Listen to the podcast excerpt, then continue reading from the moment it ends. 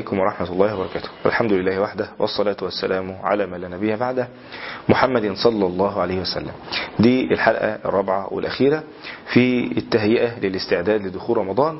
إيه رمضان قرب والحملة كلها بتكلمنا إزاي إن إحنا نتغير ونستعد قبل الدخول لرمضان. وطبعا مجموعة الحلقات دي تحديدا بتركز على معنى أساسي القرآن في رمضان. لأن للأسف أغلبنا يتعامل إلا من رحم الله. بيفضل سايب القرآن يعلوه التراب يعلوه التراب وبعدين يبدأ كل شوية يبص على التراب ويبص على الإيه؟ النتيجة. النهاردة كام؟ النهاردة أول شعبان. لا لسه شوية. النهاردة 15 شعبان. لا لسه شوية. النهاردة 28 شعبان يبدأ يجيب المصحف ويبدأ يمسح التراب ويحط المصحف. ده ده أحسن حالا. اللي ناوي يرتبط بالقرآن وبعدين واحد رمضان يلا نبدأ. لا طبعا ده مش هينفع. إحنا لازم نستعد لازم يبقى فيه تهيئة للقلب للدخول في رمضان والارتباط بالقرآن. اتكلمنا في ثلاث حلقات الحلقة الأولانية أهمية القرآن وتصور عام ان القرآن هو السبب الأوحد للنجاة. اتكلمنا في الحلقة الثانية وأجبنا تجاه القرآن التمسك بهذا الحبل وخطورة ترك هذا الحبل. وإيه اللي هيحصل؟ اللي هيسيب الحبل؟ اللي هيسيب الحبل؟ هيعيش في ظلمات وهيعيش في تيه وهيعيش حيران وهيعيش والعياذ بالله ظمآن. واتكلمنا في الحلقة الثانية. الحلقة الثالثة اتكلمنا ليه رمضان قلنا مش إحنا اللي قلنا ليه رمضان ربنا اللي قال شهر رمضان الذي أنزل فيه القرآن. النبي صلى الله عليه وسلم قال من صام رمضان وقال من قام رمضان أي بالقرآن. يبقى إذا رمضان له يعني دلالة خاصة في الارتباط بالقرآن. قلنا إن رمضان بيوفر بيئة معينة بيوفر جو معين لهذا التلقي. يعني مثلا يعني لا المثل أعلى لو دكتور كتب علاج فالدكتور بيقول للمريض العلاج ده عشان يأثر فيك لازم تاخده قبل الأكل. والعلاج التاني ده لازم تاخده قبل النوم. وده بيقول له إن العلاج ده عشان يشتغل عايز جو معين. فإحنا ولله المثل الاعلى ربنا بيقول لنا الكلام الذي تكلم به الله سبحانه وتعالى عشان يأثر فيك زي ما شرحنا أشد وطئا عشان يأثر فيك عايز جو معين بذل معين. فاتكلمنا الجو اللي بيوفره رمضان. النهاردة بقى انت هتوفر إيه؟ رمضان وفر لك. إقبال جماعي تقليل الشهوات الكل رايح يصلي. رمضان عمل لك ده. غلقت أبواب النار فتحت أبواب الجنان. صفدت الشياطين. النفس بتقبل. رمضان هيئ لك الجو. تغيير كوني يحدث في رمضان حتى تتلقى القرآن. أنت هتعمل إيه؟ الحقيقة اللي لازم أواجهكم بيها إن مش هتتغير بالقرآن إلا لما هتبذل. يعني دي حقيقة. أنا يعني بعتذر إن أنا بقولها لكم بس هو لازم تتقال. يعني مش عايز أقول لكم إيه والله بص أنت حاول بس و... لا لا لا. أنت لازم تبذل. لازم تدي وقت. مش هينفع واحد داخل الامتحان أو داخل كلية معينة يقول له بص الكلية دي عايزة مذاكرة. هتذاكر خش الكلية دي. مش هتذاكر أنا بقول لك من الأول ما تخشهاش. كتير من الناس يقول لك أنا نفسي أعيش مع القرآن أنا نفسي أتأثر. طيب يبقى لازم تبذل. لازم لازم تدي وقت. لازم تدي وقت لازم تسمع لازم تقرأ لازم تبذل. أمال هتأثر القرآن كتاب عزيز. لازم تدي وقت عشان القرآن يديلك ده العلماء كانوا يقولوا القرآن لن يعطيك بعضه حتى تعطيه كلك. ده تشوف التصور بتاعهم لازم تدي. أبسط حاجة الورد أبسط حاجة تكرار القراءة أبسط حاجة التكرار أبسط حاجة القراءة المتأنية وهنتكلم النهاردة على مسألة هل ال ال يعني نقرأ كتير بسرعة ونكتر في ال في ال في الكم ولا نكتفي بمثلا كم معين قليل ونتدبر فيه ونعيش مع الكيف؟ هنتكلم دي سريعا في الآخر. لكن لأن الحلقات طبعا الوقت بتاعها قليل مش هينفع نطول في الفكرة نطول في الفكرة دي. لكن النقطة الأساسية لازم تدي وقت للارتباط بالقرآن. مش هينفع إذا أردت أن تكون من أهل القرآن ده أنت لما يبقى واحد صاحبك واحد صاحبك وبتديلوش وقت يقول لك يا عم إحنا مش صحاب. ما تضحك عليا. ده أنا احتاجتك في يوم كذا ما لقيتكش. واتصلت بيك يوم كذا ما ردتش عليا. ويوم ما كان عندي مشكلة كذا أنت ما عبرتنيش. إحنا ما ينفعش نبقى اصحاب ماذا لو تكلم القرآن عن علاقتك به؟ هيقول إيه؟ هيقول لك ده أنت وقعت في مشكلة. وكان الحل بتاعك عندي في سورة مريم وما قريتنيش. ده أنت وقعت في أزمة. والحل بتاعك كان في سورة يوسف وانت ما رضيتش تقرأ. ده انت ما رضيتش تقرأ سورة الكهف يوم الجمعة. ده انت ما رضيتش تقرأ سورة الإخلاص وتكررها. ده انت ما رضيتش تقرأ سورة الملك عشان تنجو من عذاب القبر. ماذا لو تكلم القرآن عن هذه العلاقه ماذا لو اشتكى القرآن عن هذه العلاقة يعني صاحبك لو سمع لو اللي انت قصرت معاه لو انت سمحت له يشتكي هيقول كلام كتير. طب القرآن لو اشتكى هيقول إيه؟ ما إحنا لازم نبذل لازم ندي وقت لهذه العلاقة عشان تثمر أي علاقة ما تدهاش وقت وبذل. تيبس. بعد ما بتيبس تتكسر ثم تضمحل أي علاقة أي علاقة حتى الرحم. النبي صلى الله عليه وسلم بيقول إلا رحم سأبلها ببلالها. يعني لازم تبقى العلاقة دايما فيها نداوة مكالمة اتصال. لازم في حاجة. طب أنت علاقتك بالقرآن إيه؟ فبنقول لازم وقت. وتستغل بقى الجو بتاع رمضان لازم تبذل. أول حاجة أهم حاجة في العلاقة اللي هتستمر مع القرآن إنك أنت تقرأ على مكث وقرآنا فرقناه على الناس لت... وقرآنا فرقناه لتقرأه على الناس على مكث الترتيل ورتل القرآن ترتيل الرتل الفصل إنك أنت لازم تفصل بين الآيات. الآيات الصورة مش مش على بعضها لا في آيات إنك أنت بتقف مستحب الوقوف على رؤوس الآية. يبقى ليه؟ عشان انت تدي لنفسك فرصة انك انت تتلقى ولا تعجل بالقرآن من قبل أن يقضى إليك وحي. ما تستعجلش. ده التلقي العام للقرآن. ده ما يمنعش انك انت يبقى ليك مثلا ورد بتقرأ الحسنات بتقرأ كتير عايز تختم. لكن مش هينفع ان كل مرة كل دورك ده ده, ده أنا بتكلم كمان عن المجتهد للأسف. كل دورك في رمضان إنك أنت تستنى زي ما قلنا نتيجة 28 شعبان واحد رمضان تجيب المصحف وتمسح. كده كام؟ كده الختمة الأولى. الثانية أنت عملت كام أنا عملت أربعة. آه هجيبك. وبعدين؟ وبعدين؟ هو كده بس. وبعدين عدى رمضان اقفل بتاع وجهز المنديل لإيه؟ لرمضان جاي عشان نبقى نمسح التراب. هو ده علاقتنا برمضان؟ مش هينفع. لازم نتغير. القرآن نزل عشان يغير.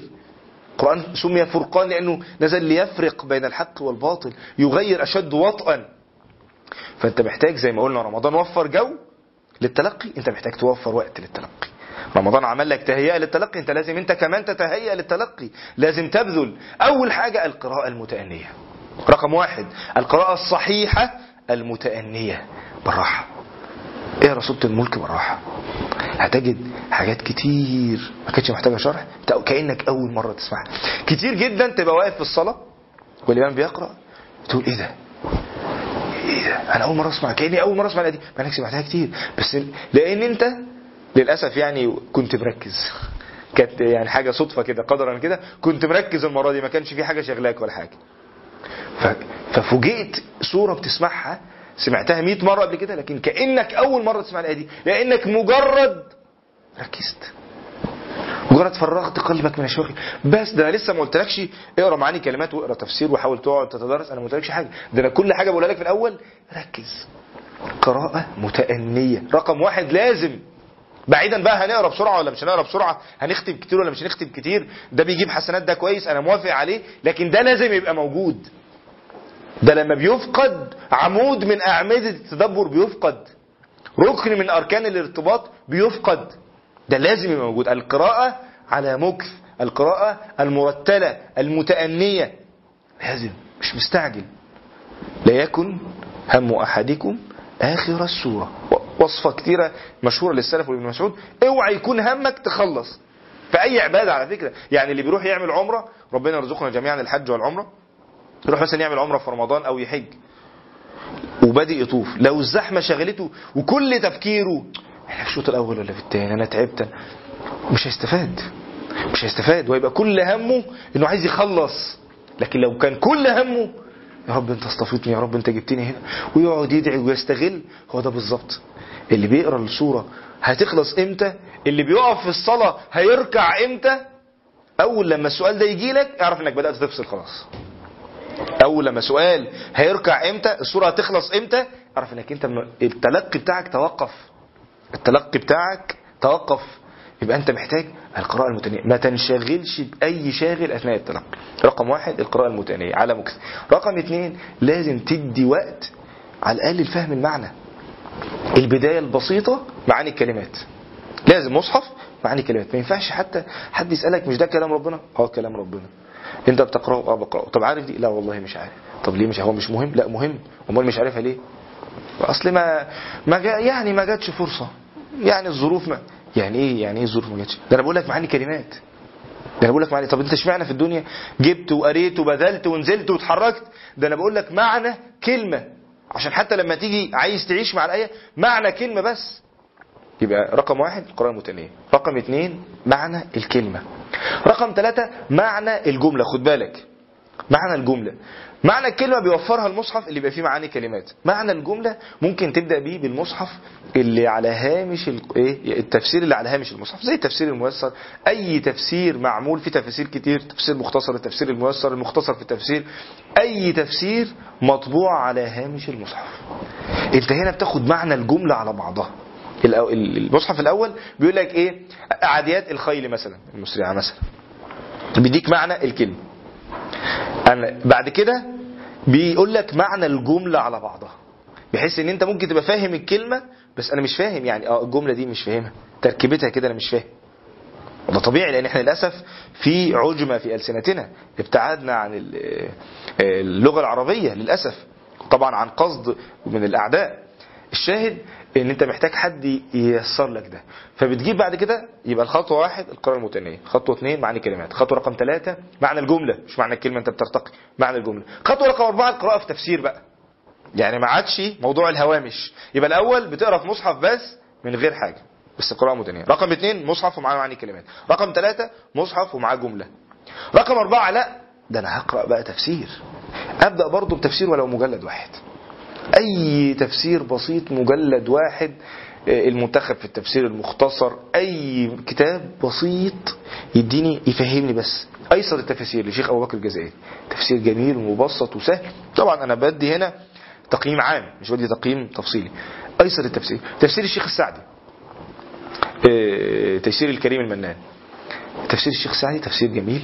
ممكن يبقى أصعب شوية من للمبتدئين من أيسر تفسير الشيخ أبو بكر الجزائري. أيسر التفسير بسيط. إياك أن تتوقف. سيدنا إبراهيم بيناظر النمرود سورة البقرة بيقول له ربي الذي يحيي ويميت. ألم ترى الذي حاج إبراهيم في ربي؟ ربنا بيقول لك شفت سيدنا إبراهيم وهو بيحاج النمرود قال ربي الذي يحيي ويميت قال أنا احيي ويميت قال إن الله يأتي بالشمس من المشرق فاتي من المغرب. أول بداية التعريف عن الله بيقول له ربي الذي يحيي ويميت. بعدها بشوية بعدها بآية يقول له ربي أرني كيف؟ مش مش هل تحيي؟ يقول له كيف تحيي الموت؟ سيدنا إبراهيم عايز يترقى. ده أنت كنت بتناظر لكن هو لا يتوقف عند مرحلة معينة. هو يريد أن يصل من الإيمان إلى الطمأنينة. ولكن قال أولم تؤمن؟ قال إيه؟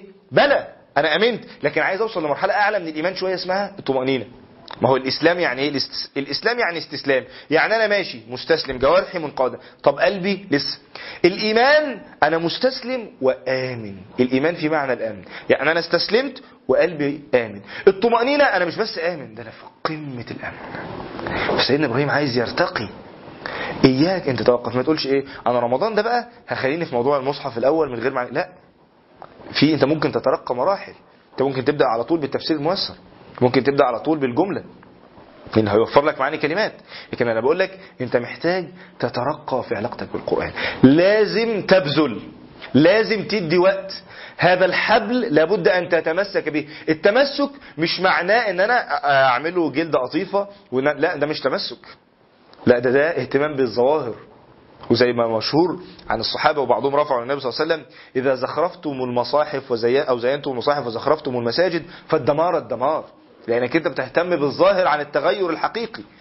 فأنا مش عايزك تهتم بالظاهر أنا عايزك تهتم بهذا الكلام الذي لما نزل على الصحابة حولهم من أناس كانوا يشربون الخمر ويأدوا البنت إلى ناس غيروا العالم. حصل تغيير نقلة حقيقية. أنا عايزك أنت تتغير لازم تقيس نفسك. هل مفاهيمك اتغيرت؟ على فكرة كتير قوي من المشاكل اللي موجودة والمناظرات والكلام اللي عمال يطلع ده هيتحل إنك أنت تقرأ القرآن بتدبر. بس فعلا إنك أنت تقرأ القرآن ختمة واحدة بتدبر تكفيك بعيدا وكثيرا عن كثير من المناظرات وكتر الكلام اللي موجود ده. لكن إحنا ما بنديش وقت. الدين عظيم الدين محفوظ الله تكلم بهذا الكلام لننجو ونرجع تاني الحلقة الأولانية. قصة قصة البداية. تكلم الله بهذا الكلام عشان إحنا عايشين في غربة. إحنا نزلنا الأرض مش في الجنة. ومحتاجين دليل.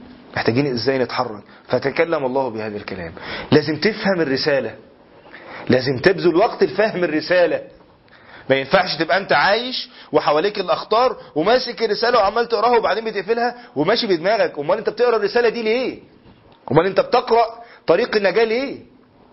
يعني أنا عايش في مخاطر وحد بعت لي قال لي الكتاب ده هينجيك من المخاطر فتحته قريت شوية كلام مش فاهمه وقفلته اعمل إيه بقى اتصرف إزاي؟ أيوه ما هو الكلام كان بيقول لك الكلام اللي انت مش فاهمه ده كان بيقول لك تعمل إيه؟ اذا لابد من بذل وقت لابد من بذل وقت. ده ما يعنيش إن اللي عايز يختم أكتر ده ده مش مانع إنك أنت تبذل وقت لكن المهم إن ده لازم تدي وقت بتأني. لازم. اللي عايز يختم ختمات كتير لكن أنا أرى إن في البداية عند التعارض يقدم التأني. عند التعارض في البداية يقدم التأني. كان الصحابة بيتلقوا القرآن عشر آيات بعشر آيات فأصبح هناك تغيير تدريجي. ربنا خلق السماوات والأرض في ستة أيام محدش يبقى في صدره حرج من التدرج. لازم تدرج. الإنسان بيقعد تسع شهور مولود تسع شهور في بطن أمه وبعدين ينزل. أنت متوقع بقى يعني تسع شهور؟ قاعد تسع شهور ينزل بقى يجري يتحرك. ده لسه برضه جنين. فكذلك أنت في علاقتك بالقرآن تحتاج إلى تدرج تحتاج إلى ترقي اقرأ وارتقي. أسأل الله عز وجل في ختام هذه الحلقات أن يجعلنا جميعا من أهل القرآن وأن يجمعنا جميعا في الفردوس الأعلى في صحبة النبي صلى الله عليه وسلم. قولوا قولي هذا واستغفر الله لي ولكم. سبحانك اللهم وبحمدك أشهد أن أستغفرك وأتوب إليك. والسلام عليكم ورحمة الله وبركاته.